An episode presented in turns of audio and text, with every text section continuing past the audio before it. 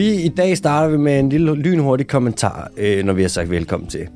Og bagefter det, så skal vi til at snakke om noget, som både er sådan noget hvidt, noget man pakker ting ind i, og det er også øh, en dans, og så er det også øh, en, en fugl, og den skal vi lige snakke om, den lyserøde der, Il Flamenco. Og vi skal snakke om flamencoen et sted, der er meget, meget, meget kulturelt rigt. Altså, vi snakker sådan en, rent kulturelt er det et slags mekka. Du sidder og tænker, kulturelt mekka, er det Firenze? Er det Napoli? Er det Venedig? Er det dernede af? Der, vi forstår godt forvirringen. Når man beder, så peger man næsen mod Mekka. Hvis du skal i det kongelige teater, så skal du lige kigge mod Flowrider. Flowrider. Det er i Florida, hvor der er noget, noget med flamingo, og det skal vi om. Så øh, skal vi en tur til Ecuador, hvor at der nu er nogle øh, små landsbyer, hvor folk begynder at få bøder, fordi at de siger nej tak til øh, palmolieplantager. Og hvad fanden bilder de så også ind? Det er da tavligt at sige nej tak til ting. De vil jo bare ind og gøre verden bedre. Så skal vi til Zimbabwe, som er i gang med at lave deres skove om til tobak. Så har vi en lille øh, semi-hurtig nyhed om verdens kyster, som er helt fucked. Og så kommer de hurtige nyheder. Så kommer der El Quizo Bondo. Er du klar med quizzen i dag, Bondo? Det kan du kræfte med banden på. Mm, ja. Så har vi spørgsmål for lytterne, og i dag der er spørgsmål for lytterne, der har vi også lige et par tips, der er kommet ind fra nogle af lytterne, og fandt med en kommentar fra en af lytterne, og så kommer spørgsmål fra lytterne, og så er vi færdige, og så er I fri.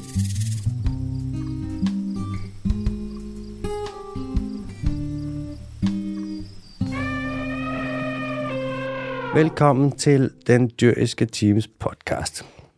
Dit navn er Alexander Holm, biolog, kandidat i økologi. Mm. Men ikke økologi, økologi, men Nej. økologi som i økosystem. Ecology, Ecology. læren om økosystemer og den slags. Ja. Speciale i naturbeskyttelse. Lige præcis. Næsten taget en bachelor i molekylær biologi i sin tid. Og så stopper praleriet ellers. Det er sådan, jo, det gør det. Kunstner. Mm. Og du er jo øh, Øh, Jeg er Mathias Kalle Bondo Kim, MBK. MBK, Mathias Bondage Kim, Mm. bedre kendt som TV- og medietilrettelægger. Stadig studerende. Ikke særlig professionel. Ah, det ved jeg ikke. Jeg har set dig trykke afsted på et, knam, et kamera, et kamera, Et, et knamera. og der går, det går satme hurtigt på de små trykkefingre. Vi har da optaget en ting eller to i vores te. Ja, vi har da været ude. Hvordan står det til, Alexander? Jamen, jeg synes, det står godt til. Øhm, det synes jeg. Jeg har fået, øh, jeg har rykket på kontor. Nå for søren. Jeg har fået kontorplads. Kan du fortælle mig lidt om det? Ja. Øh, jeg tænkte, nu laver jeg jo alle de her ting med selvfølgelig podcasten her, og med foredragene, og NGO-arbejde, og Ja, tak. alt muligt forskelligt. Og så tænkte jeg, nu er det simpelthen på tide, nu er den dyriske team blevet voksen. Nu er det sgu på kontor. Og så har jeg købt mig en fast kontorplads, hvor jeg har min farveblyant der liggende, og min scanner, og min dyrebøger og lidt forskelligt. Og så rykker jeg simpelthen derind, når jeg ikke er out and about ude at løbe ærner. Så Ærner? Ærner. Ikke, ikke svinke ærner. Så ærner. Svinke ærner. Jeg tror, altså nu, altså ret ofte, når jeg tog ned for at arbejde på vores kammerats café, Mm. altså så mødte jeg dig jo dernede på social. Ja, det har været et af mine stamsteder. Jeg skulle lige til at sige det. Jeg tror, du har lagt, altså i hvert fald fundamentet for en, øh, for en månedsløn dernede i ren kaffe Det tror jeg også. Det vi snakker da nemt et par dage om ugen, hvor jeg har siddet dernede og arbejdet afsted. Men det Ja. har været ligesom en anden stue. Ja, det er rigtigt. Ja, det er rigtigt. Tak til Sebastian for at lave det sted. Men det er, men det, men det er sgu meget lækkert at kunne tage et sted hen og arbejde. Det, er- det kan hurtigt blive sådan lidt klaustrofobisk at skulle være inde på sit eget værelse og køre... Øh, I kan så forstå på det hele, at hverken øh, Alexander eller mig ejer en lejlighed for os selv. Det Og sidde inde på sit værelse og se øh, Netflix og HBO. Også lige lægge sig til at sove. Der er ikke rigtig plads til en sofa. Men kontor kan du godt lidt køre. Ja. Men du ved, det er også lige ved siden af din seng. Kigger over på dine sure sokker. Mm, Hvor er tøjet hen? Nå, det står lige der på en, en, på en knærække, en garderobe. præcis. Altså, det, det er for bohem. ja, det, Det er det, er godt at komme lidt ud. Så øh, ja, det føles også lidt voksent. Også når der er nu, jeg har jo nogle Er du blevet glad for at sige, øh, jeg tager, jeg tager lige på kontoret? helt sindssygt. Og så er jeg jo, jeg holder jo møder med folk. På kontoret. Så kommer de på kontor, så booker jeg lige et mødelokale. Jeg skal have møde i På dag. kontoret. Ja, ja, så sådan noget, kom ind. Ej, jeg har booket et lille mødelokale der. Og bare kom ind, ja. Og så Ja. lige smide også CVR-nummer og adresser. Sådan. Det hele bliver mere og mere sådan, folk ved ikke, at jeg er bare en idiot, der sidder og tegner ræve. Det kunne være super grineren, hvis du skulle øh, invitere folk over til et møde, og du bare kun lægger dit CVR-nummer, og så må de selv gå ind på prof.dk Ja. og slå dig op og finde ud af, hvor dit fucking kontor er. Og så ser de bare den største rodebutik af en gut, der ikke kan finde ud af noget som helst med virksomheder. Ja. Sådan Hvorfor Alle- ligger der seks gange den dyriske time? Alle, alle årsrapporter, der er bare, der er bare farveblyanter over det hele. Ja. jeg skal faktisk til at købe nye farveblyanter. Skal du det? Ja. Er det, det er ikke 2B'eren, vel? 2B'eren, den kan man jo bare gå ud og købe hvor som helst. Mm, 2B og To- not 2B. Og not 2B. Det er øhm, dem, der jeg har kørt med nu, de der Faber-Castell der, mm. de er sådan lidt... Er bløde i det. Nej, de er faktisk ret hårde. Ret hårde. Og de er sådan, øh, de lægger, man kan lægge sådan meget bly- blidt farveskær, og det har jeg jo meget kørt med. Vær forsigtig med farverne. tegne meget sirligt. Ja, det kan man. Man kan være meget elegant. Du kan Ja. lave sådan noget balletdanstegning. Okay. Og nu, der kan jeg mærke, Klassikeren. Altså, det er jo en stilart. det er det jo. En balletdanstegning. Jeg tegner en balletdans, en ballettegner. Nu skal jeg til at lave... Øh, altså, alle de her tegninger, alle de her ting. Nu vil jeg til at steppe mit game lidt op. Mm. Udvide mit sortiment. Okay. Så nu vil jeg simpelthen købe nogle, hvad fuck er det, de hedder? Premier Couleur eller sådan noget. Sådan nogle farveblyanter, der skulle være rigtig gode, meget bløde, hvor du lægger fede farver på. Okay. Nu bliver ja. der fede farver, du. Ja, ja. Okay, så det er, sådan, det er lidt mere sådan pastellet i det. Oui, præcis. Ja. Så bare vent, altså farvegamet, det kommer til at være lige så grimt, som det plejer at være, men det er med nogle andre farver. ja, men det er meget tydeligt at se, hvor grimt det er i hvert fald. Ja, det er rigtigt. Ja. Øh, det glæder jeg mig sgu til, til de kommer, og der, der, jeg skal nok lægge disse vanlige små tegnevideoer ud. Fantastisk. Ja, jeg glæder sig. Ja, folk de hygger sig derude. Skal vi, uh, skal, vi, skal vi ikke så komme i gang? Jo, skal vi da. Cool. Kan ikke sidde og hygge snak. Nej, det er også for meget. Vi skal til, øh, vi skal til Florida. God gamle Florida. Der har vi fandme været mange gange før. Er du sindssyg? Jeg har faktisk engang overnattet i Florida, da jeg skulle øh, have et lille stopover, skulle videre ned til Mellemamerika. Layover. Mm, og jeg ville ønske, det ikke bare havde været et layover, men et stay for life, for hold kæft, det er et sted, mand. Ja. Jeg har kørt igennem sådan suburbs ude ved øh, lufthavnen midt om natten. Det er jo meget sådan en yin-yang-stat på en eller anden måde. Altså, du har pensionisterne og meth addicts. Altså, Oui. Og så har du en eller anden for, to forvirrede podcastværter, som ikke fatter, at det er bare et skraldested, men insisterer på, at det er et kulturelt mega. Altså- det sagde jeg ikke. Det er vores sponsor. Hvis de lytter med, så sagde jeg, Mathias, det skal klippes ud. ikke vores sponsor. Nej, det er ikke vores sponsor. Fuck. Jeg har ikke sagt noget. Nej. Vi skal i hvert fald til Florida, som minder sindssygt meget om Italien. Støvleform, det tror jeg vist nok. Øh, rige øh, byer og sådan noget ned igennem, det tror jeg vist nok. Det ene sted, der får du pizza, det andet, der får du gumbo. Men det er jo lige mange bogstaver i hver af dem, det kunne være det samme, ikke? I Florida, der plejer der at være en masse flamingoer. Der er nemlig en art af en flamingo, den amerikanske flamingo, som lever i Karibien, Mexico, det er lige meget, men den lever også i Florida. Eller det plejer den i hvert fald at gøre. Øh, der plejede at være en masse flamingoer i, i, i Florida der, øh, men så skød man alle sammen. Øh, det kan de jo ikke holde til. Det er jo en klassiker efterhånden. Det er så grineren. Ja. Nu skal vi snakke om et dyr. Ja. Gæt, om det er blevet skudt eller ej. Mm, hvor Altså. mange, det plejede at være rigtig mange, det er der ikke mere, fordi mm. man dræbte dem alle sammen. Ja. Man øh, begyndte for at spise kød. Det var en forholdsvis stor fugl, og man spiste æggene. Og så har der været et marked for øh, flamingofjer. De er jo meget sådan øh, lyserøde og fine. Øh, og man skød dem en gang for sådan noget et par hundrede år siden. Og efter det, så blev man i tvivl om, hvorvidt flamingoer de egentlig plejede at være en tilhørende art i øh, Florida, eller om de bare var på besøg. Og man kunne ikke undersøge det, for man har skudt dem for 200 år siden. Så nu er man sådan, jeg ved, om de egentlig plejede at være, eller de bare trak ind over. Øh, var det en Altså, de, også, de, altså, de var Alexander, øh, det- fuglens udgave af Alexander, bare lige et lille layover. et lille layover, ja. Ja. Om det var det, eller om det var et fulltime layover. Ja. Og hvis det var det, og de gerne ville bo der hele livet. Jeg Mit fulltime layover er et stayover. Det, det forstår jeg altså godt. Full on green pass, opholdstilladelse, alting, flamingo, resident. Øh, der er total forvirring. Var det, både de der, ynglede de der, eller trak de bare lige ind over? Og så i 2018, så forskede man i det, og gik historiske dokumenter igennem, og fandt nogle gamle æg og alt muligt. Og så kan man konkludere, at den amerikanske flamingo altså hører til i Florida. Så det var et stayover. Og så har man fået en del fokus øh, på øh, flamingoerne i Florida. Og det har man, fordi det er jo en, en, en ikonisk art. Der er nogle, mange, der har mange logoer i Florida, hvor den er på. Øh, vi bruger den selv også til den dyriske time. Det er bare en ikonisk art, altså en spøjsfugl.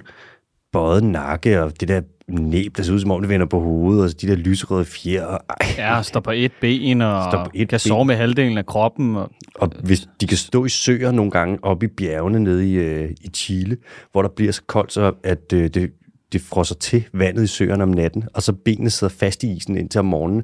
Så er de sådan noget, åh, oh, det var da meget godt, så kan de lige tage benet op af isen der og flyve afsted.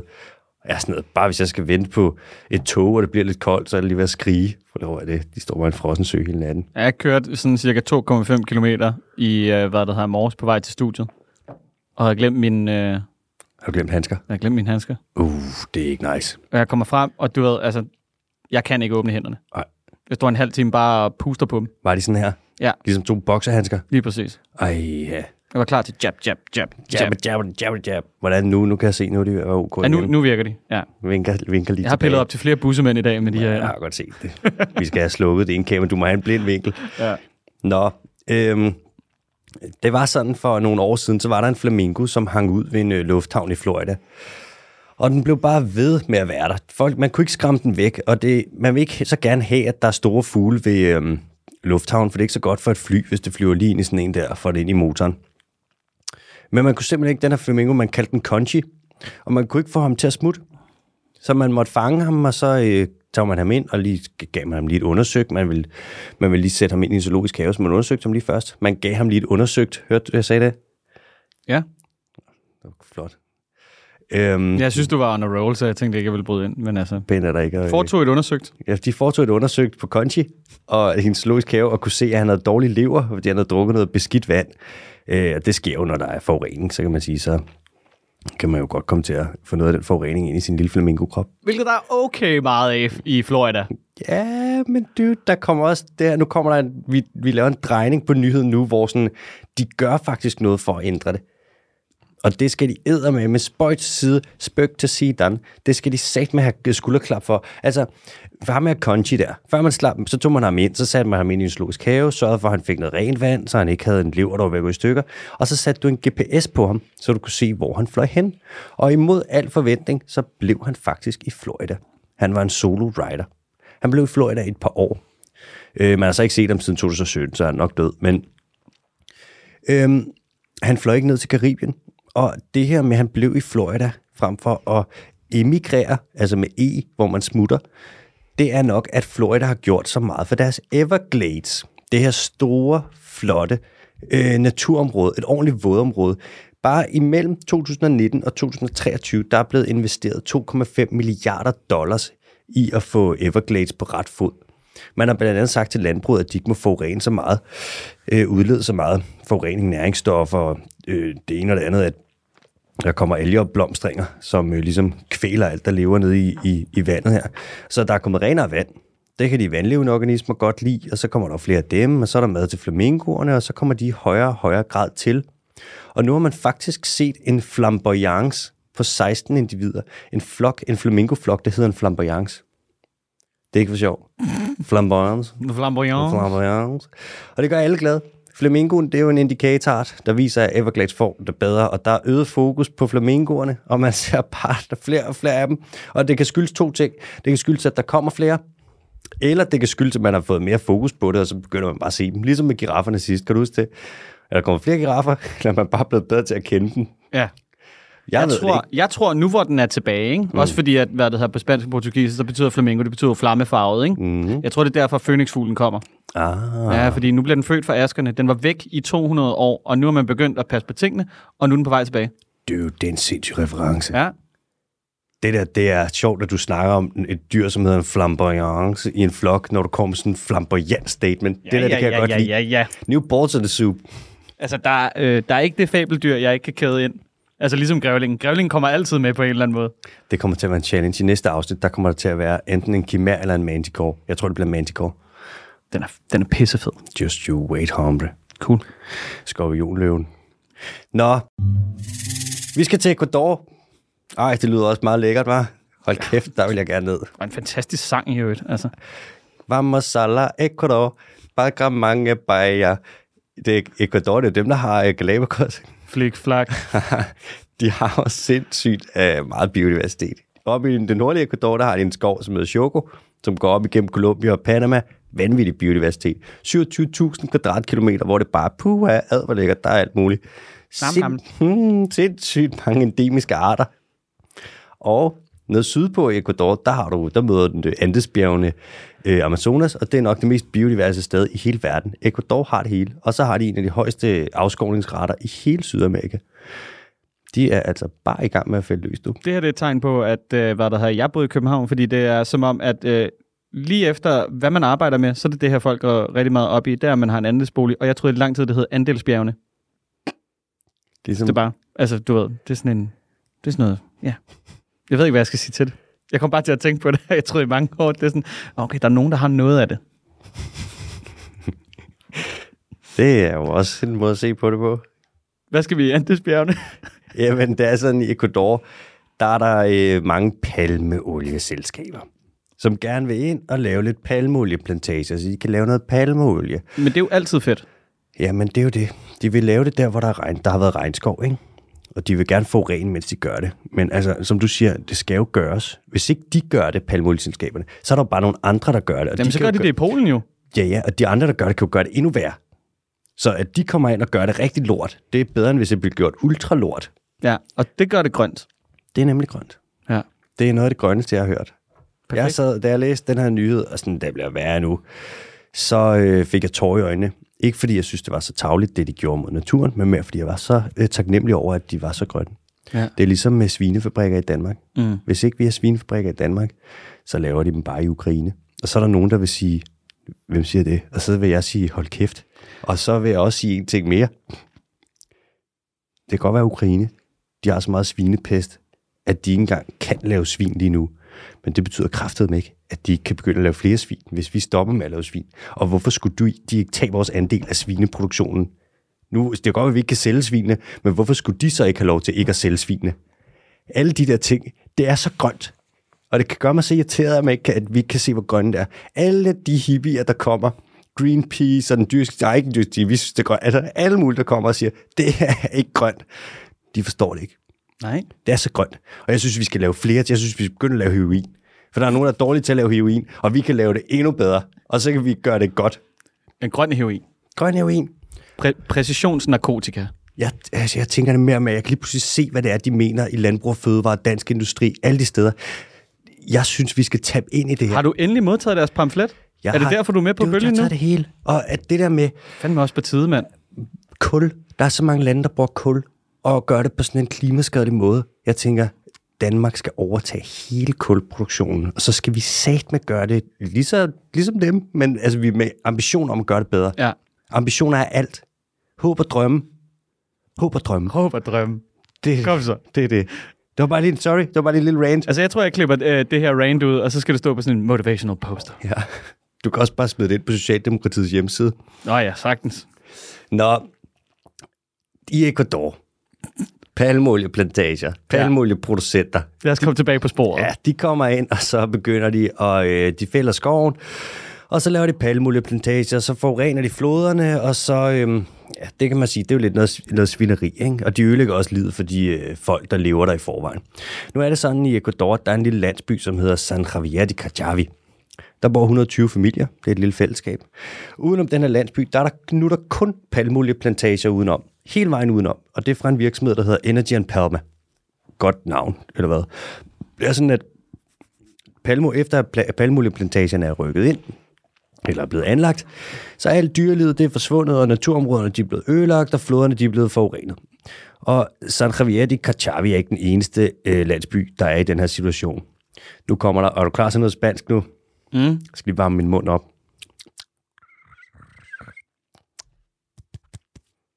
Også landsbyerne Nueva Esperanza, det betyder nyt håb.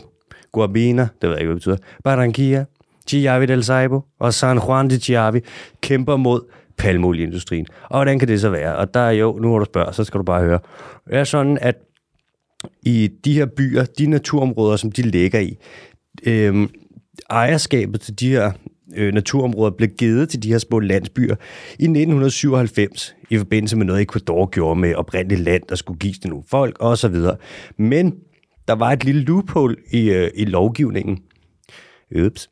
Og det gjorde, at selvom at de her landsbyer, de her fællesskaber fik ejerskabet over noget land, så var der også nogle individuelle personer, som fik ejerskabet over det her land. Så skødet lå lidt på to hænder, og så kom de til nogle af de her folk, eller faktisk øh, de fleste af dem, de kom til at sælge deres individuelle skøder til øh, palmoliefirmaerne. Nej. Jo, det var en upser. Nej. Det var en upser. Så står du, Satans. og står du der et eller andet sted, og så lige pludselig så er du sådan, ah, fuck man, oh, no tengo dinero, quiero una cerveza más. Og så er der en eller anden, der siger, hombre, amigo bueno, tengo dinero. Tjenes una skøde. Mm. Lige pludselig har du et skøde. Og så siger han, den er, Puedes dinero. por favor, dos. Så lige pludselig, så kommer du til at sælge, ja, landet omkring din landsby, og så er der et palmolieselskab, der kommer ind. Men palmolieselskabet, de skal jo som sagt ind og gøre det grønt. Så det er sådan, at jorden omkring de her, landet omkring de her øh, landsbyer, det er på samme tid, så er det ejet palmolieindustrien og øh, af de her små fællesskaber af familier Det er sådan, det er bedst. Og prøv at gætte, hvordan det kom til at gå. Jamen, øh, jeg tænker, det, det, det har artet sig i al fred og fordragelighed. Ja, det kan man sige. Der har i hvert fald været nogle vinder i det, og det har ikke været i landsbyerne. Det er løgn. Det er fandme rigtigt, du. The little, the little guy. Men det bliver værre nu. Den lille mand. Ja, men han vandt sgu ikke. Tabte han igen? Ja, han kommer til at tabe endnu mere. Bare vent. Satan. Så fordi de her landsbyer og de her fællesskaber, de synes, det er nederen, at palmolievirksomhederne kommer ind og ødelægger basically alt, der er omkring, hvor de bor, og forurener de floder, som de ligesom afhænger af. Mm. Så protesterer de, og det gør de ved at sætte nogle små telte op langs vejene ind til palmolieplantagerne. Ja. Og det synes palmolieindustrien er irriterende. Det er det da også. Det er helt vildt. Det er jo ikke en Roskilde Festival. Nej, altså, det er det ikke. Hvad er det for nogle fucking hippier? Hvorfor Ja, ja, skal der altid være hippie over det hele? Gå hjem med snegleren.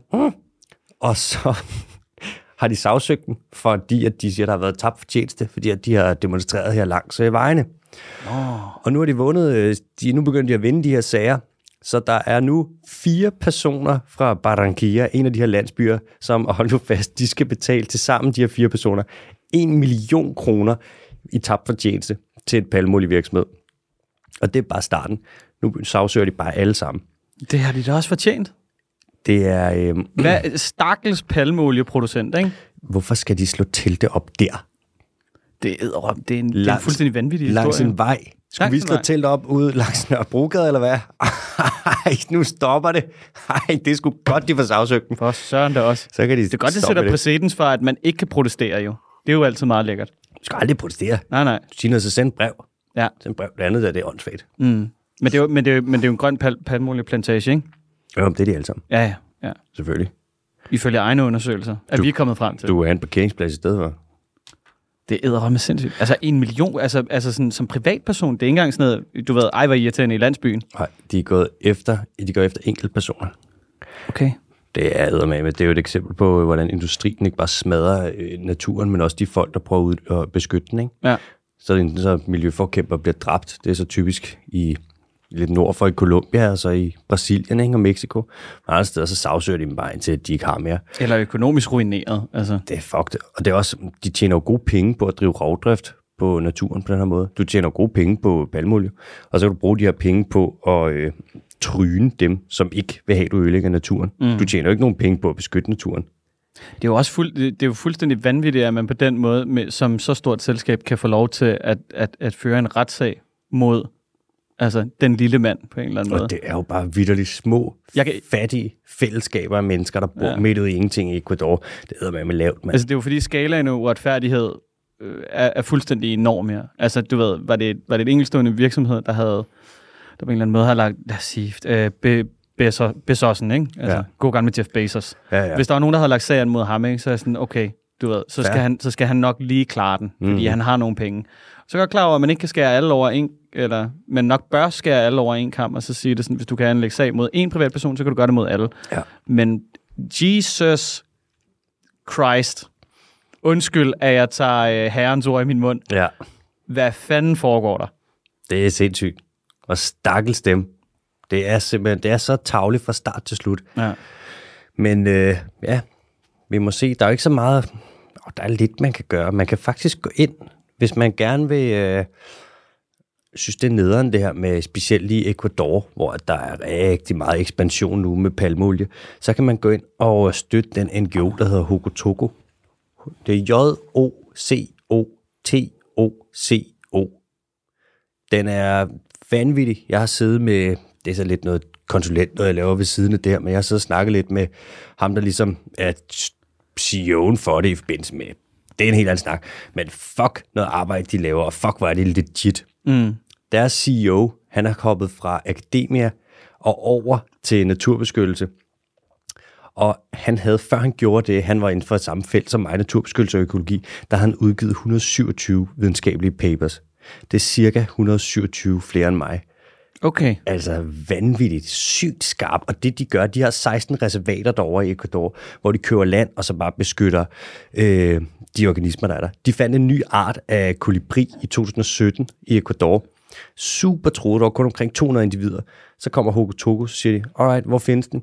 Så de siger, det findes heroppe, det her afsidested i Andes, og det troede det her, det her. Mm. Så er de sådan, alright, vi køber det sted, den bor. Ja. Så køber de, så laver de et reservat, og så er det bare forbudt område. Det er bare kun til naturbeskyttelse. Mm. De har den brunhovedede øh, æderkopabe, findes et sted mellem 5 og 700 af dem i hele verden. Der er de sådan, okay, findes det her, det her sted, fint, vi køber det. Det er, altså, de er for vilde, man. Giv nogle penge til dem, hvis det er, så kan man stoppe noget af det der. Anyways, vi skal videre. Vi skal til Zimbabwe. Vi skal snakke. Zimbabwe. Vi skal snakke om tobak. Du kender det nok godt. Det er jo, hvis man kigger på det statistisk set, så er det den plante i hele verden, som dræber allermest mennesker overhovedet. Den mest giftige plante i hele verden. Vi bruger den til smøg og til cigarer og til alt det løse. Der er nogen, der også kan finde på på en lille smule tobak. Deres joints, men det er ulovligt. Marijuana? Marijuanas. Der er, altså, man har brugt tobak i rigtig, rigtig, rigtig mange år. Øh, man har brugt det både før og efter, man fandt ud af, at det ikke var så sundt at ryge. Det er løgn. Det er fandme rigtigt, du. Men, altså, jeg gjorde det næsten 16 år velvidende om, at det var noget rigtig, rigtig skidt for lungerne. Ja, men du kunne have gjort ting, der var værre. Jeg så lige forleden øh, et lille klip igen fra det interview, som øh, den gode Esben lavede med Asruni. Er der sindssygt. Åh oh, nej. Åh oh, nej, hvor er... Altså, Asroni, det er jo... Altså, stop nu det der. Det, prøv at tænke at være cheflobbyist for tobaksindustrien. Ja. Du profiterer på at, altså, at skjule, at den her plante, eller det her, det er et produkt, der decideret dræber folk. Ja. Man prøver at få noget, noget af det mest usunde til at se sundt ud. Vanvittigt. Anyways, det skal det ikke handle så meget om. Men tobaksindustrien, jeg har ikke så meget fidus til dem. Jeg har heller aldrig råd til nok også, så er det nemt for mig. Men hvis vi kigger på på global plan, så bruger man et område på cirka 42.000 kvadratkilometer til at lave tobak. Det er et område, der er Det er på størrelse med Danmark. Lige præcis. Det er et område på størrelse med Danmark. Og øhm, det er lidt spøjst, ikke? Vi mangler plads til natur i verden, og så har vi ryddet et område på størrelse med Danmark. For i stedet for en natur, som ligesom kan optage CO2 og afhjælpe klimakrisen og få os til at overleve, så laver vi en plante, som slår os ihjel. Men det er jo ikke, altså... Men og langsomt og smertefuldt. Altså, Ja, er du gal, men min farfar, han døde af, han røg siden han var 12. Han døde til sidst, før han døde, der havde han 6% af sin lungekapacitet tilbage. Han har bare røget det fuldstændig i stykker. Det var afskyeligt, mand. ja. Anyways, i Zimbabwe, der laver man vildt meget tobak. Og når man skal lave tobak, så tager du tobaksblade, og så skal du behandle dem, for at de er klar til ligesom at blive smuttet i nogle cigarillos. Og når man skal behandle tobak, så øh, skal man varme det op. Man cure det, siger man på engelsk. Så det man gør, det er, at man brænder noget træ af for at lave bål, som kan varme tobakken op, og så er det klar til at blive røget. Og hver gang du skal lave et kilo tobak, så Er, bruger to, du... er tobak forrådet? Tobak, det er forvarmet. For varmet? Ja. Vil faktisk ved en proces, Altså for at tørre det ud, eller hvad? Jeg tror jeg. Okay. Jeg tror jeg. Og jeg tror faktisk, processen på en måde måske minder en lille smule om pyrolyse. Uh, det er den der fede ting, vi, vi snart får. Det er den der, som måske kommer til at virke. Nej, nej, nej, nej, nej, nej, nej, nej, nej, nej. Nej, vent, der er altså 2050, vi har lang tid til at fuck op. Ja, ja, altså, Men ved, vi, behøver heller ikke, have- vi skal jo ikke have fart på med klimaet. Det er Altså, altså, med at være brændt. pyrolysemæskinen, så CO2 ind i den ene ende, og så kommer der skumfidus ud i den anden. Ja, og så skal vi have noget Power to X. Nam, nam, nam, nam, Og noget CCS. Det er så lækkert. Og så skal vi have nogle hockeystaver, der bare står og banker ind på den. Altså, det, jeg, jeg fatter stadig ikke noget af det der. Det er en helt anden snak, men jeg fatter stadig ikke noget af det der. Du- Altså, fordi det er, sådan, det er så langt væk. Altså, Der er ikke nogen, der fatter det, og det virker ikke endnu. nej. Men det kommer det til, selvfølgelig. Ja, er det bliver fedt. Det er godt. Cool. Kom Hvis så, du skal lave et kilo tobak, så skal du bruge 10 kilo brænde til at behandle det. Og Zimbabwe, de producerer på nuværende tidspunkt 200.000 ton tobak om året. Det vil sige, at de skal bruge 2 millioner tons træ for at behandle det. Så tobaksindustrien i Zimbabwe er hver år ansvarlig for afskovningen af 60.000 kvadrat øh, hektar skov. Det er ret meget. Det var da irriterende. Ja, og de satser på, Zimbabwes regering, de satser på at producere endnu mere Ser du tobak. Zimbabws? Zimbabwes. Zimbabws regering. Zimbabwes regering satser på at producere, de vil lave endnu mere tobak. Ja, ja. Og det er også federe. Problemet er, ja, jamen, der er meget, meget er altid godt. Ja. Og det er ikke, fordi vækst nogensinde har ført til noget dårligt. Nej, nej. Mere og mere. Problemet er, at der er bedre end mere og mindre. Mindre og mindre. Der er en masse småbønder, som ser skoven som en slags gratis ressource. Og det er jo, man kan sige, en masse, der er en masse fattige mennesker, der er en masse socioøkonomiske problemer her, som man sådan, man kan ikke pege fingeren på så mange andre end tobaksindustrien. Men når der er en masse småbønder, som ser skoven som sådan en gratis ressource, hvor de kan få gratis træ, så er det ikke så, det er ikke så bæredygtigt i længden. Øh, nu, har, nu prøver man at lave træplantager, så man kan lave noget træ, som du kan bruge til at behandle tobak, så du ikke skal fælde alle de vilde skove. Men der er også et problem, for mange af de her plantager, de består af invasive arter. Mm. Hurtigvoksende træ, man bruger rigtig meget eukalyptus. Eukalyptus findes ikke naturligt i Afrika, men det spreder sig af helvedes til. Så man begynder at lave plantager med træer, som vokser hurtigt. Det hele er bare sådan noget, det er ikke så gennemtænkt. Nej, det er da meget godt, er det? Jo, hvis man gerne vil have, at det skal være på præcis den måde, så er det jo fint. Ja, ja.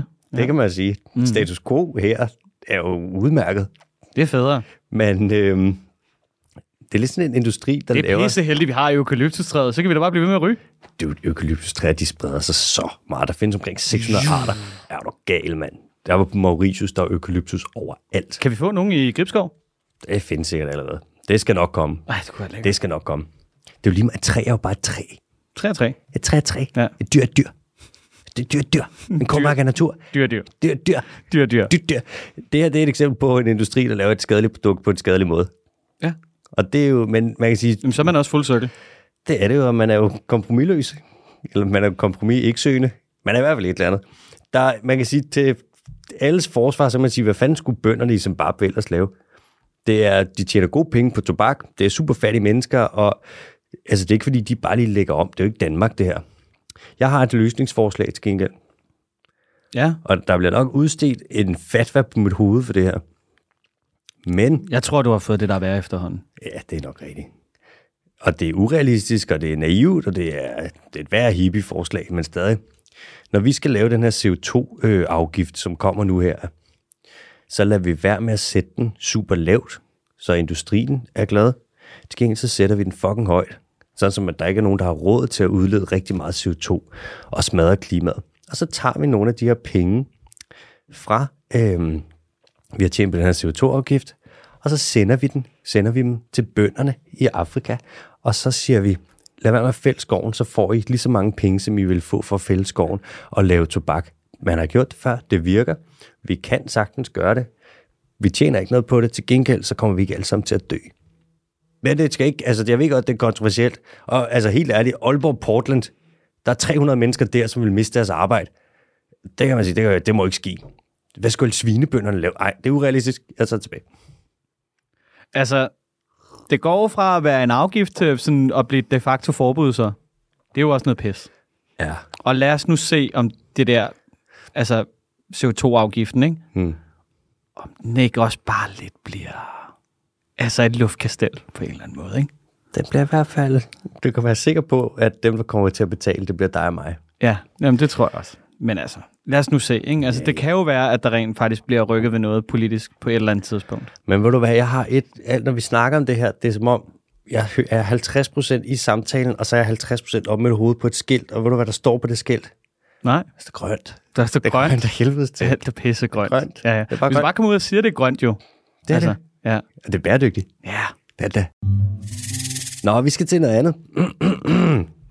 vi skal til øh, verdens kyster. Øh, tit når vi snakker om ødelagte økosystemer, så snakker vi om dem enten til lands eller til havs, men der er jo det kan for eksempel være MPA'er, der ligger ude i havet, som kan være omkranset af en CFA'er, eller det kan være en NP'er på land, hvor der lige ligger en PP'er udenom, og et eller andet forkortelser over.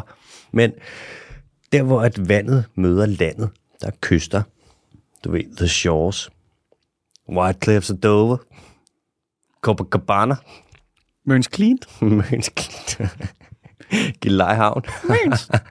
Men, Minsk. men, men, hvis vi kigger på verdens kyster og habitaterne, der ligger ved kyst, for eksempel koralrev og mangrove og tangskov og ålegræseng og flodmundinger og saltmarsk osv.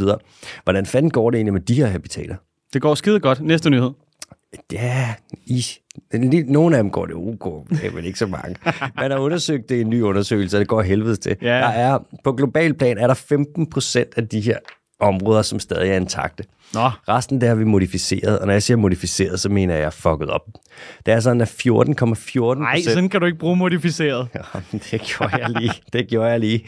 YOLO! 14,14 procent af verdens kystområder er fuldstændig fucked. Altså gennempresset gennem af mennesker. 48 procent er kraftigt presset af menneskelig aktivitet, såsom landbrug og øh, fiskeri.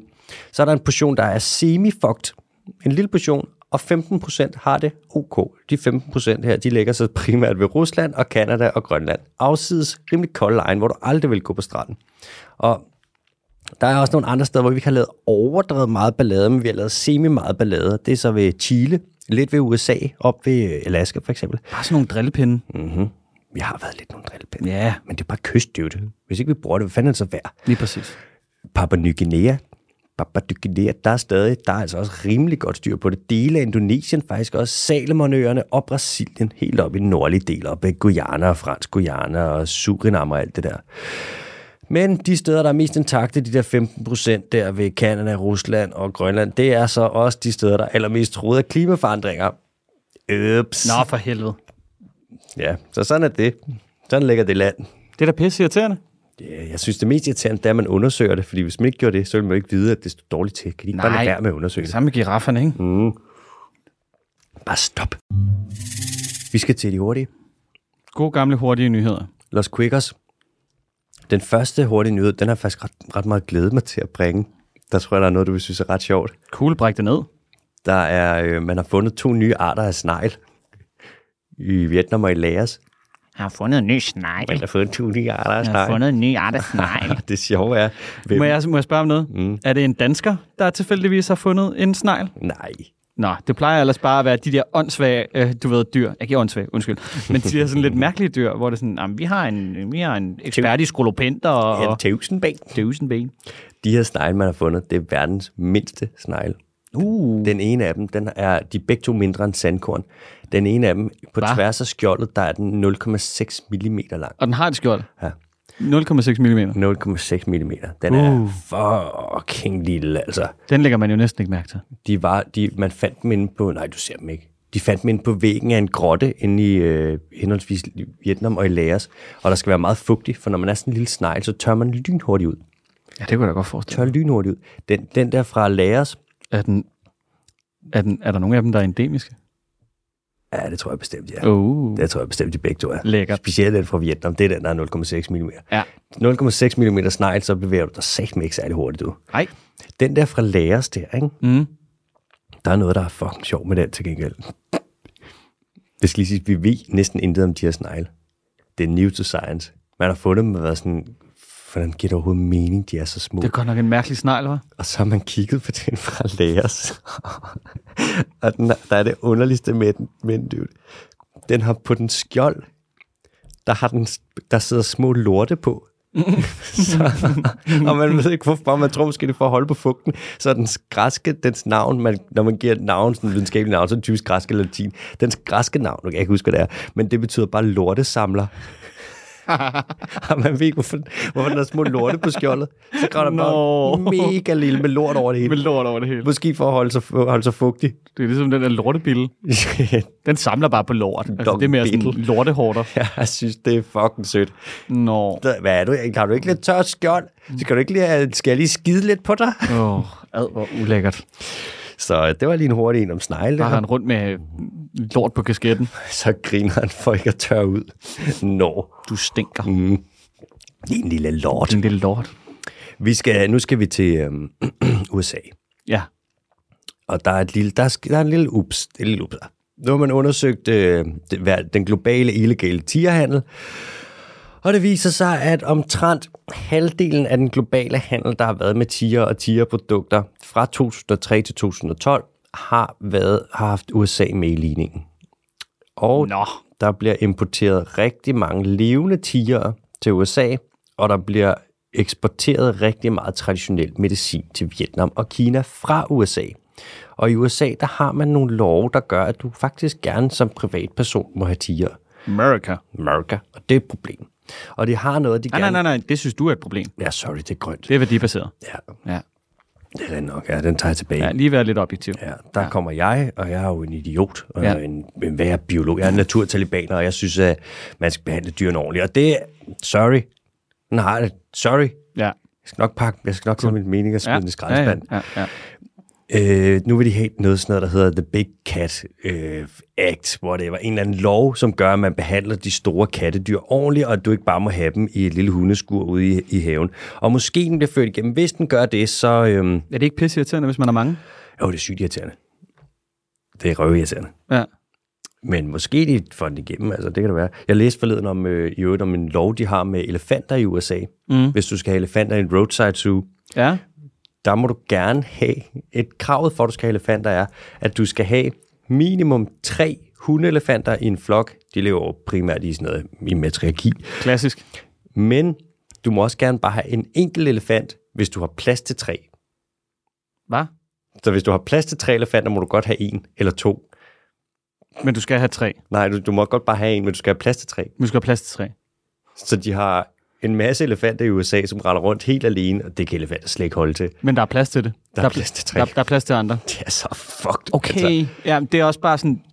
Altså, det er jo sådan en, en, en, en, en mærkelig demonstration af, du ved, et flokdyr, så du skal have plads til minimum tre, men det er okay, hvis de er alene. Så de har nærmest tre gange så meget plads bare at være alene på. det er så fucked. Det er ligesom, hvis uh, man forestiller sig fængsler. Du må gerne have folk i uh, isolation. Der skal være plads til tre personer derinde. Ja. Så er det ikke isolation. Perfekt. Sindssygt. Sådan, sådan tror jeg, at det foregår i Guantanamo. Er du gal, mand? Der kan sagtens ligge tre oven på hinanden herinde. Det er ikke isolation, og det er heller ikke ulovligt. Hold din kæft. Vi er Cuba. Er det der en person, eller er det en seng? Altså, det kommer an på, om det er nat eller dag. Altså, det er hip som hap jo. Det er hippe hap. Nå, vi har en lynhurtig nyhed. Det er faktisk den hurtigste nyhed, der overhovedet kommer til at være, tror jeg. Cool. Øh, Malaysia, der er noget, der hedder hvidhåndede gibbonder, som er en gibbon, som har hvide hænder. Og der er nok ikke én øh, art, men der er to forskellige underarter. Og så har vi en sidste hurtige nyhed. Kan du huske de der cocaine hippos, som er som Pablo Escobar? Han Ja, ja, satte Pablo Escobar, den gode gamle, han øh, satte en øh, flodhest, der var nogle flodheste, han havde en privat suge, og der var fire flodheste. Og efter han ligesom blev øh, nakket og alt det hele der imperium faldt lidt fra hinanden, så, øh, Ja, det var lidt en uheldig affære ja, man kan sige, han kom måske til at dumme sig lidt. Så er de sluppet fri, og nu har de etableret sig op i, jeg kan ikke huske, hvad det hedder, men sådan et område i, øh, i Colombia. Og nu har de i Colombia omkring 70 vilde flodheste. Og der er mange, der er sådan, skal vi skyde dem, skal vi lade være? Og der er økoturismepotentiale, og de udfylder niche, som der var nogle dyr, der lignede dem, som udfyldte for 15-20.000 år siden, og alt muligt. Men nu er der opstået et ulovligt marked omkring Pablo Escobars cocaine hippos, fordi at narkokarteller er begyndt, og hold nu fast, der er narkokarteller, der er begyndt at sælge kalve fra den her flok. Så der er simpelthen, og så primært så vi sælger de dem til hinanden og så videre. Så nu er der en narkobaron, hvis datter har en øh, flodhestekalv fra Pablo Escobars gamle flodhesteflok. Ja, hvad skal man bare ikke have en, en flodhest? Det er seriøst altså, de er jo så aggressive. De- kan jo bare bide en båd over, hvis de har lyst. kæmpe, kæmpe stor, virkelig aggressivt dyr, som Skal ikke have skyde den en fjerdedel af dens vægt, det er bare ren hud. sindssygt. Det er også bare gaven, der bliver ved med at give. Prøv at overveje det. En narkobaron, der har okay. flodheste, ulovligt, slipper fri, etablerer sig. Der er ikke styr på situationen. Og så kommer der andre narkokarteller og etablerer et marked omkring flodheste kalve. Det er fucked med fucked på. Vi var la fucking hippo. Jeha. Jeha. Nå, Mathias Bono, Kim, MBK, i Lombre. Nu Skal vi, jeg, uh, skal vi til en lille quiz? nu vil jeg give ordet til dig, ja. Nu Kunne du tænke dig at blive sad midt over af min quiz? Åh oh, nej, jeg håber, jeg får fuld point i dag. Det, øh, altså, hvis du får fuld point i dag, jeg, jeg, jeg er stadig i gang med at finde ud af, hvor, øh, hvor svær den skal være, øh, øh, quizzen. Og nogle gange bliver den svær, og nogle gange så bliver den rigtig, rigtig svær. Take it to the limit, dude. Cool. Uh, det er jo som altid quizzen, hvor jeg kommer med, uh, hvad det her, uh, seks stykker fakta. Det første er sådan lidt en fun fact, mm. og hvis du kan gætte det ud for det, altså så er der jo fuld point. Så er det mm. 6 point. Og for hver uh, ledetråd, du får derefter, der er det, der er det minuspoint. Oui. Uh, jeg har, og det, og, det, og det bliver sagt i jeg, Ja, tak. ja, jeg har ikke evnen til at prutte. Jeg har ikke evnen til at prutte. Hvis jeg havde glemt, hvordan det lød, så får jeg lige en lille... Det er jo, altså... Hvis der er nogen, der kan prutte concerning hobbits derude, Åh, så kan jeg love dig for, at så, så drejer jeg en kop, og så skriver jeg den dyriske time på, og så sender jeg den. og tak til alle jer, der har sendt musik ind i øvrigt. Vi laver, vi skal nok få det spillet. Vi er lige ved at finde på en lille compilation eller noget. Måske Ja. lave en lille musikvideo. Hvem ved? Det var pisse. Øh, ikke kan prutte. Der er sagt med mange dyr, der ikke kan. Jeg tror ikke, insekter kan prutte. Men jeg vil Hvis gerne... du skal gætte på noget, hvad vil du så gætte på? Uh, jeg tror, jeg vil gætte på... Jeg går padevejen. Jeg vil gætte på, at det er en slags... Jeg gætter på kinesisk kæmpe salamander. Satan. Det er sgu rigtigt. Jeg bor blandt andet også på Ny Guinea. Vi skal bare lige tilbage. Altså, vi kan ikke, vi, øh, vi kan ikke have et program uden Guinea. Nej, det kan vi En eller anden form for Guinea. Ny Guinea. Kan du afsløre, om det er den indonesiske, eller om det er papaya Ny Guinea-delen? Nej, jeg skrev, det er bare Ny Guinea. Mm. Uh, Det er faktisk, fordi jeg ikke ved det. Ja, den er svær. Jeg tror umiddelbart, jeg ved ikke, om fugle de kan prutte. De kan godt lave pølser, men jeg tror ikke, de kan prutte på den måde. Ja. Det er meget tynd afføring, det har vi jo snakket om før. Ja, det er nok. De har en masse urea. De har urin og lort blandet sammen i deres lille skide skid. Øhm, jeg vil umiddelbart gætte på, nu er jeg bare fræk, og så tager jeg et ultra Ny Guinea-dyr, og så gætter jeg på øh, Tenkiles trakinguru. Det er kraftet med rigtigt. Det er løgn. Altså ikke den, den specifikke kænguru, men kænguruen. Trakinguru. Nej, bare kænguru. Kan kænguru ikke prutte? Nej. What the fuck? Det er, øh, det er et af de eneste pattedyr, som ikke kan prutte, så vidt jeg kan forstå. Sindssygt. Nå, ja. Ej, det var irriterende. Jeg synes, jeg havde mange gode øh, Må jeg, må ledtråde. jeg høre de andre? Ja, så ledtråd nummer tre. James Cook skrev om mig tilbage i 1770. Har du et af ledetrådene, der er boing, boing? Ej, hvor er det ærgerligt. Det har jeg ikke. Jeg har skrevet, øh, jeg kan bare op til 90 kilo. Øh, nummer 5 er Tyson og Muhammad Ali. og den sidste, det er, min art af pattedyr og familie er endemisk fra Australien. Det var, fordi jeg gerne ville sige endemisk Ja. med min egen research. Oceanien dude. Oceanien. Mm. Altså, bare Australien. Det er fint. Det er jo, det, altså, det er jo den største. Så, så er det bare den, man siger. Ja. Er det ikke det? Jo, jeg synes, det var god. Ja. Ej, øv. Så fik jeg, jeg, jeg, fandme jeg troede virkelig. Ja, så får fire du fire point. Ja. Yes! Så i alt øh, hen over alle quizzerne, der har du syv. syv, syv, ja, syv point. Nej, otte, tror jeg. Mm. Nå. Der må sidde nogen med derude, der ved det. Der må være nogen, der holder score for os. Altså, jeg, jeg kan i hvert fald ikke. Det er totalt urimeligt at bede mig om at gøre det. vi er begge to quizmasters, men vi har ikke en quizmaster. Nå, vi skal til nogle tips, der er kommet ind fra lytterne. Først så er der et fra øh, Mads, som er, han skriver pro-tip fra en psykologistuderende. Og kan du sidste gang, vi snakkede om noget med psykologi, og jeg sad der og prøvede at blære mig og nævne det der med flow, da vi snakkede om musik, og øh, nævnte ham der, Yep. øh, tjekken. Og Er vi, er vi helt forkert på den, eller... Det er udtalen med navnet. Jeg sagde, jeg sagde Mikhaili Csikszentmihalyenkov, Ja. og han siger flow-ophavmand, ophavsmandens navn, parentes, Csikszentmihalyi, udtales Csikszentmihalyi. Csikszentmihalyi. Så han hedder ikke Csikszentmihalyenkov, han hedder Mikhaili Csikszentmihalyi. Michael. Men han hedder, han hedder Michael. Michael Csikszentmihalyi. Præcis. Tak for det, Mads. Det var godt lige at få det på plads. Jeg må indrømme, jeg godt mærke, at jeg udtalte det der. at Jeg var skægt på den, men sådan er det. Ej, Csikszentmihalyi. Det lyder da Mikhaili Csikszentmihalyenkov. det lyder super sejt. Så har vi en fra øh, Andreas, og det her, det her, det elsker jeg. Det her, det er en genial besked.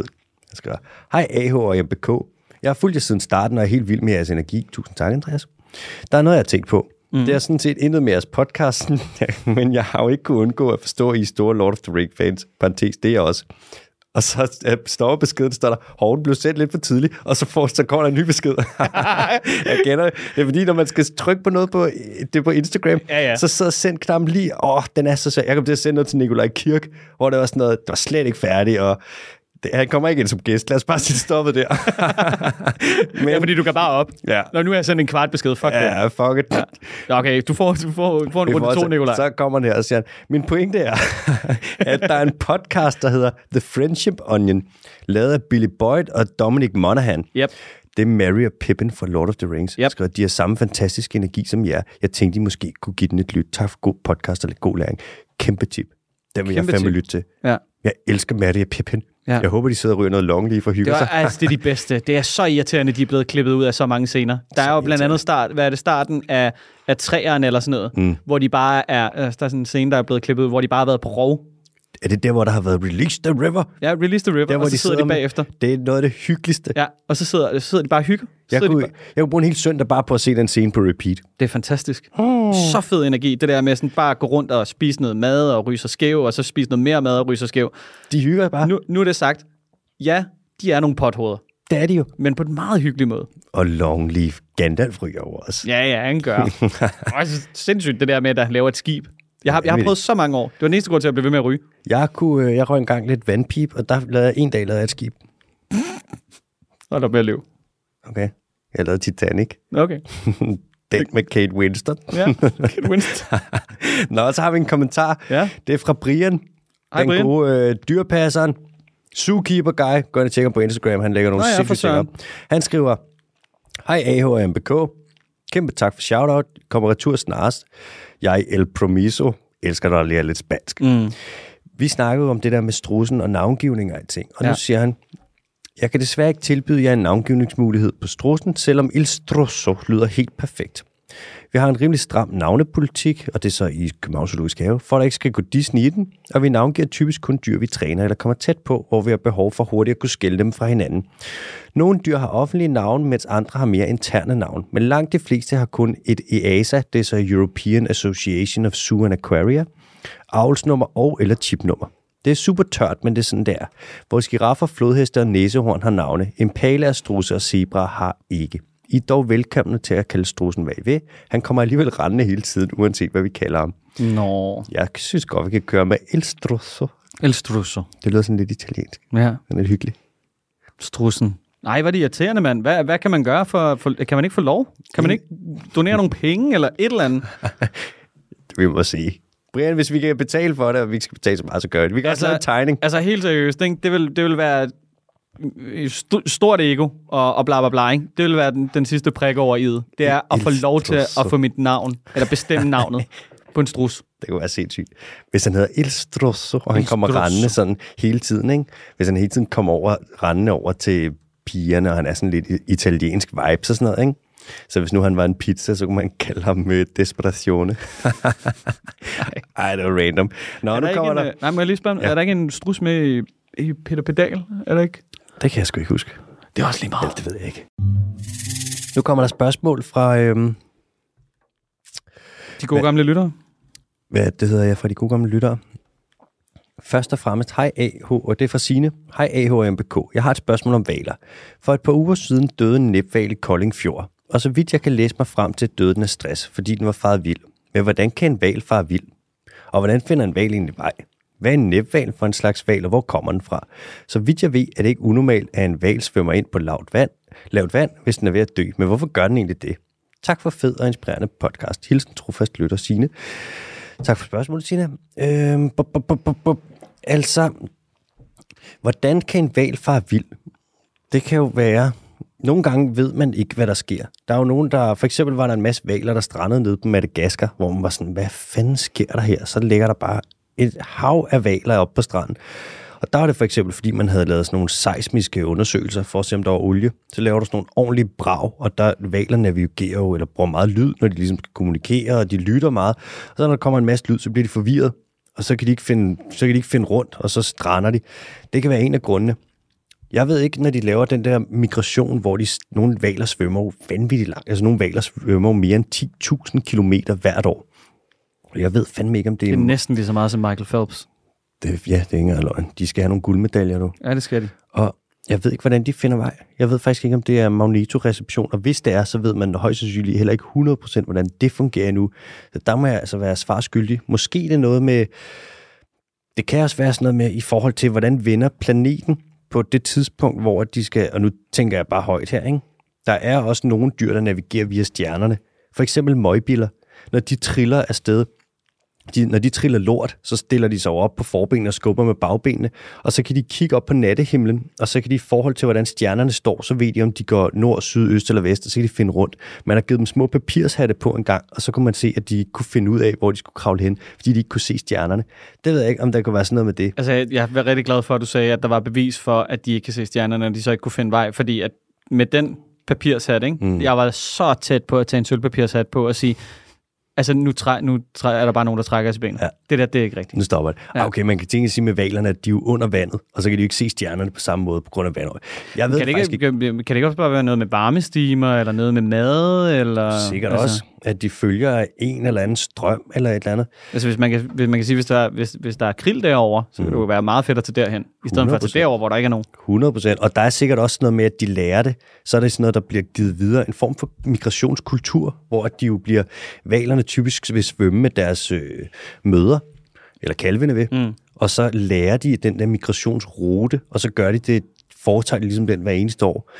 Jeg må indrømme, at en næbval, Er, oh, må, jeg, må jeg spørge om noget? Ja. Er det en uh, bardeval eller en tandval? jeg tror vist nok mig bekendt, at det er en øh, tandval. Prøv lige, at, Tandhval. prøv lige at slå den op, næbval. Næbval. Er det, er det næb? Næb. Næbval. N-A-B. Beaked whale. Sourbiz beaked whale på engelsk. Må jeg lige prøve at se en gang?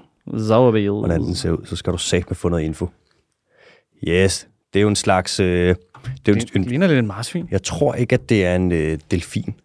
Men jeg, så vidt jeg ved, så er det en stor, en forholdsvis stor tandval, er det ikke det? Skal vi have den? Ja, kom lige med den. Almindelig næbval, eller blot næbval, er en øh, 4-5 meter lang sort tandval mm. med en delfinagtig kropsform. Den vejer 1 til 1,3 ton, medmindre den er mindre. Som alle andre næbvaler i slægten Mesoplodon, Mm. øh, er det kun handen, der har tænder, og kun en i hver underkæbe. Af hvad for noget? Det er fedt bare lige at komme med sådan noget. Altså, du ved, ligesom med de andre, er det kun, og så får man sådan noget virkelig, virkelig specifik viden. Har den ikke tænder? Den har, jo, altså, handen har, det er kun handen, Og den har kun to. ja, og den har en i hver underkæbe. Har den flere? Så den har to, den har flere kun to underkæber. tænder. Okay. Ja, hvad, hvad var det andet spørgsmål? Hvor kommer den fra? De kanariske øer. Prøv at køre lidt... Prøv at køre lidt ned, så er der noget med distributionsdata. Det står der altid. Udbredelse. Ja.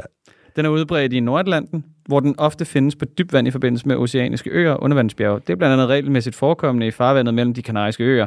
Amelie Næbval er kendt for ni strandinger, senest ved Lundeborg på Fyn i 1969, hvor et eksemplar på 5 meter drev i land, og ved Stenderup Hage i Lillebælt i 1992, og den eneste art af Mesoplodon-slægten, der kendes fra danske farvande. Aha. I 2000... Skal vi have mere? Ah, vi stopper den der. Ja, det er også meget at forstå på samme tid. Vi tager også den sidste her. Så vidt jeg ved, er det ikke unormalt, at en val svømmer ind på lavt vand, hvis den er ved at dø. Men hvorfor gør den egentlig det? Jeg tror ikke, det må jeg indrømme, det ved jeg faktisk ikke om... Altså for det første, jeg har ikke selv hørt om, at de gør det, men hvis de gør det, jeg ved ikke om det bare ved, at sådan, nu tager de bare lige og siger, jeg gider sgu ikke mere. Så er det en sådan slags aktiv dødshjælp, bare solo.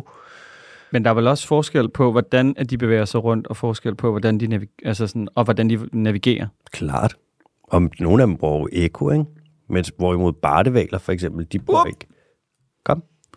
Tilbage i 2006 opdagede blandt andet danske forskere, at nævaler jager blandt andet dybshavsblæksprutter ved hjælp af ekolokalisering på mellem 8 og 2.000 meter dybt vand.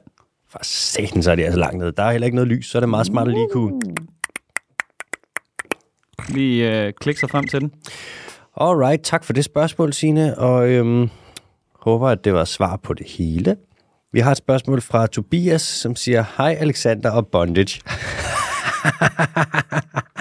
Min ven er kommet tilbage fra en tur i blandt andet Costa Rica, hvor han var på en gåtur i junglen midt om natten. Midt om natten. De blev næsten angrebet af det dyr. Jeg håber, der skulle stå et dyr, men der griner der sige, de blev næsten angrebet af det dyr. Guiden bad dem stå helt stille. Og så hoppede der en brasiliansk vandrederkop og løb forbi dem. Senere mødte de også en bulltoad. Vil blive så glad, hvis I kunne fortælle lidt om den. By the way, er mega glad for podcasten. Bedste hilsner, Tobias W. Altså først og fremmest, brasiliansk vandrederkop.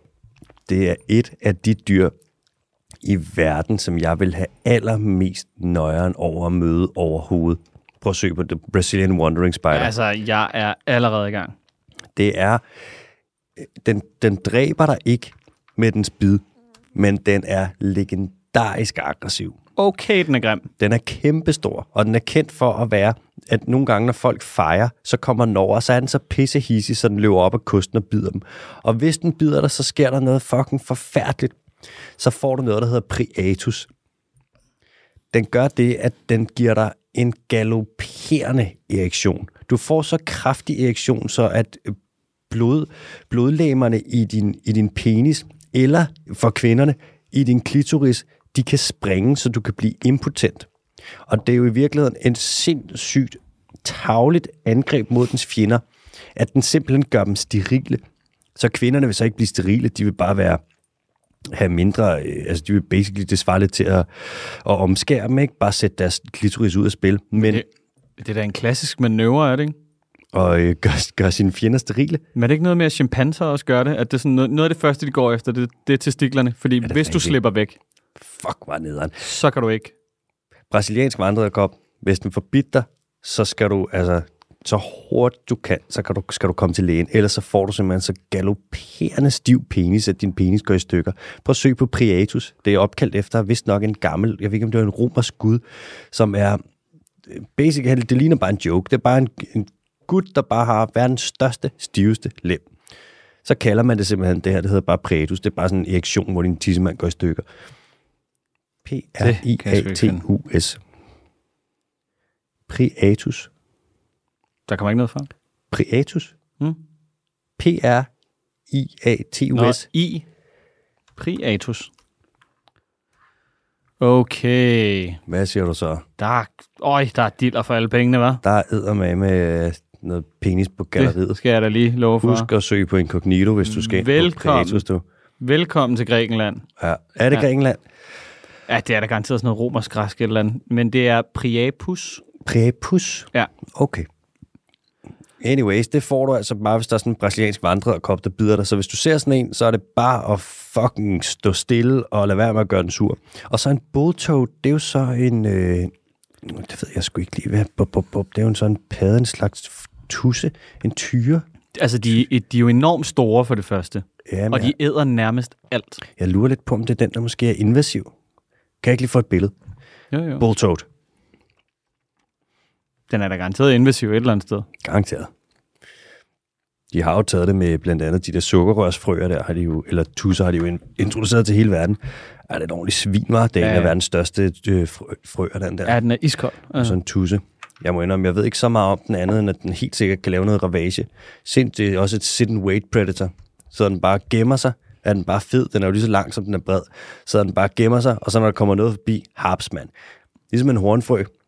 Altså, hvis du har, hvis du har lyst til at, at få sådan nogle instant gag reflexes, Mm. så søg på sådan noget bulltoad eating eller feeding på, på YouTube. Er det ulækkert? Jamen, det er, sådan, det er så grotesk. Fordi den bare æder så store ting. Nej, men det er sådan noget, du ved, så øh, to bulltoads bliver smidt ned i et, øh, et, et terrarie, Mm. og så er der sådan noget, sådan noget hyggeligt musik, sådan noget bim, didididim, bim, bim, bim. og så bliver der bare smidt forskellige dyr derned, og den æder alt. Det er sådan en, der kan fuck et økosystem op. Ja. Til gengæld, så kan den jo få trytridiomykose. Ja, klassisk sygdom. Svamp i huden, du kan fuck den op, men jeg tror sgu, det er mest noget små frøer, der bliver ramt af det. Den der, den er nok rimelig. Det er jo en tyrefrø, så skal den jo være rimelig fucking brutal. Ja. Jamen, Cane øh, toad is cane an toad. old species of a fossil toad. cane toads, de er invasive af helvedes til. Dem har man spredt rundt til en masse steder. Øps. Satans. Altså, øh, det var alle spørgsmålene og alle kommentarerne, og det var Bondos quiz, det var de hurtige nyheder, det var nyhederne, det var mm. en lille snak om, at alting jo er grønt. Og så, jeg har umiddelbart ikke mere. Jo, øh, jo, lige en hurtig ting. Kom med det. Vi, vi rundede et skarpt hjørne i sidste uge. Øh, 50 afsnit. 50 afsnit. Sindssygt. Ja. Øh, Du ved, tak fordi I lytter med. Altså, det, der er en grund til, at vi bliver ved med at gøre det. Øhm, jeg synes 50, det var sådan, det var sådan rimelig stort. Det synes jeg også, synes, det er gået hurtigt. Ja. Tænk, det er over 50 timer, så vi har siddet her. Mm. God damn. Hold da op. Et par døgn, ja. Og så en smule klippearbejde for dig ved siden af. Mm. Er du sindssyg? Du er den frisør. Øj, hvor var det ikke sjovt. Ah, nogle rigtig dårligt klip ja. ud. Ja, Ja, der er jo ikke så meget andet end at sige tak, fordi at, øh, du lytter med, og tak til Anna for at stå bag og trække alle trådene og sørge for, at det kan ske. og Rasmus derude Mm. med, en, øh, med en lille intro. Og husk, at vi tager stadig imod jeres bud på, hvordan man kan spille uh, Concerning Hobbits. Ja, send det ind. Vælg, vælg et instrument. Altså, du ved, Alexander han har annonceret, at hvis du gør det på en guitar, så Mhm. donerer vi nogle penge til VD40, så vi, Ja. kan, holde liv i, så vi kan holde liv i gitaren. Det har Der er jeg, det havde jeg ikke glemt. Ja. Ja. Ja, vi har, vi har fået et par bud ind indtil videre. Har Skal vi. det kan vi ikke løfte sløret for endnu, vel? Ah, nej, det kommer. Nej, nej. Det Ja. kommer. Cool. Ja, Det bliver, det bliver en kæmpe potpourri, og det kommer til at lyde øh, spøjst, tror jeg. Det kommer til at lyde sindssygt. Ja, og spil den nu i samme tone. Altså. Altså, For hvor? ja. Så er der ikke så meget andet end at sige, øh, have en pisse god dag, eller aften, eller morgen, eller whatever. Farvel.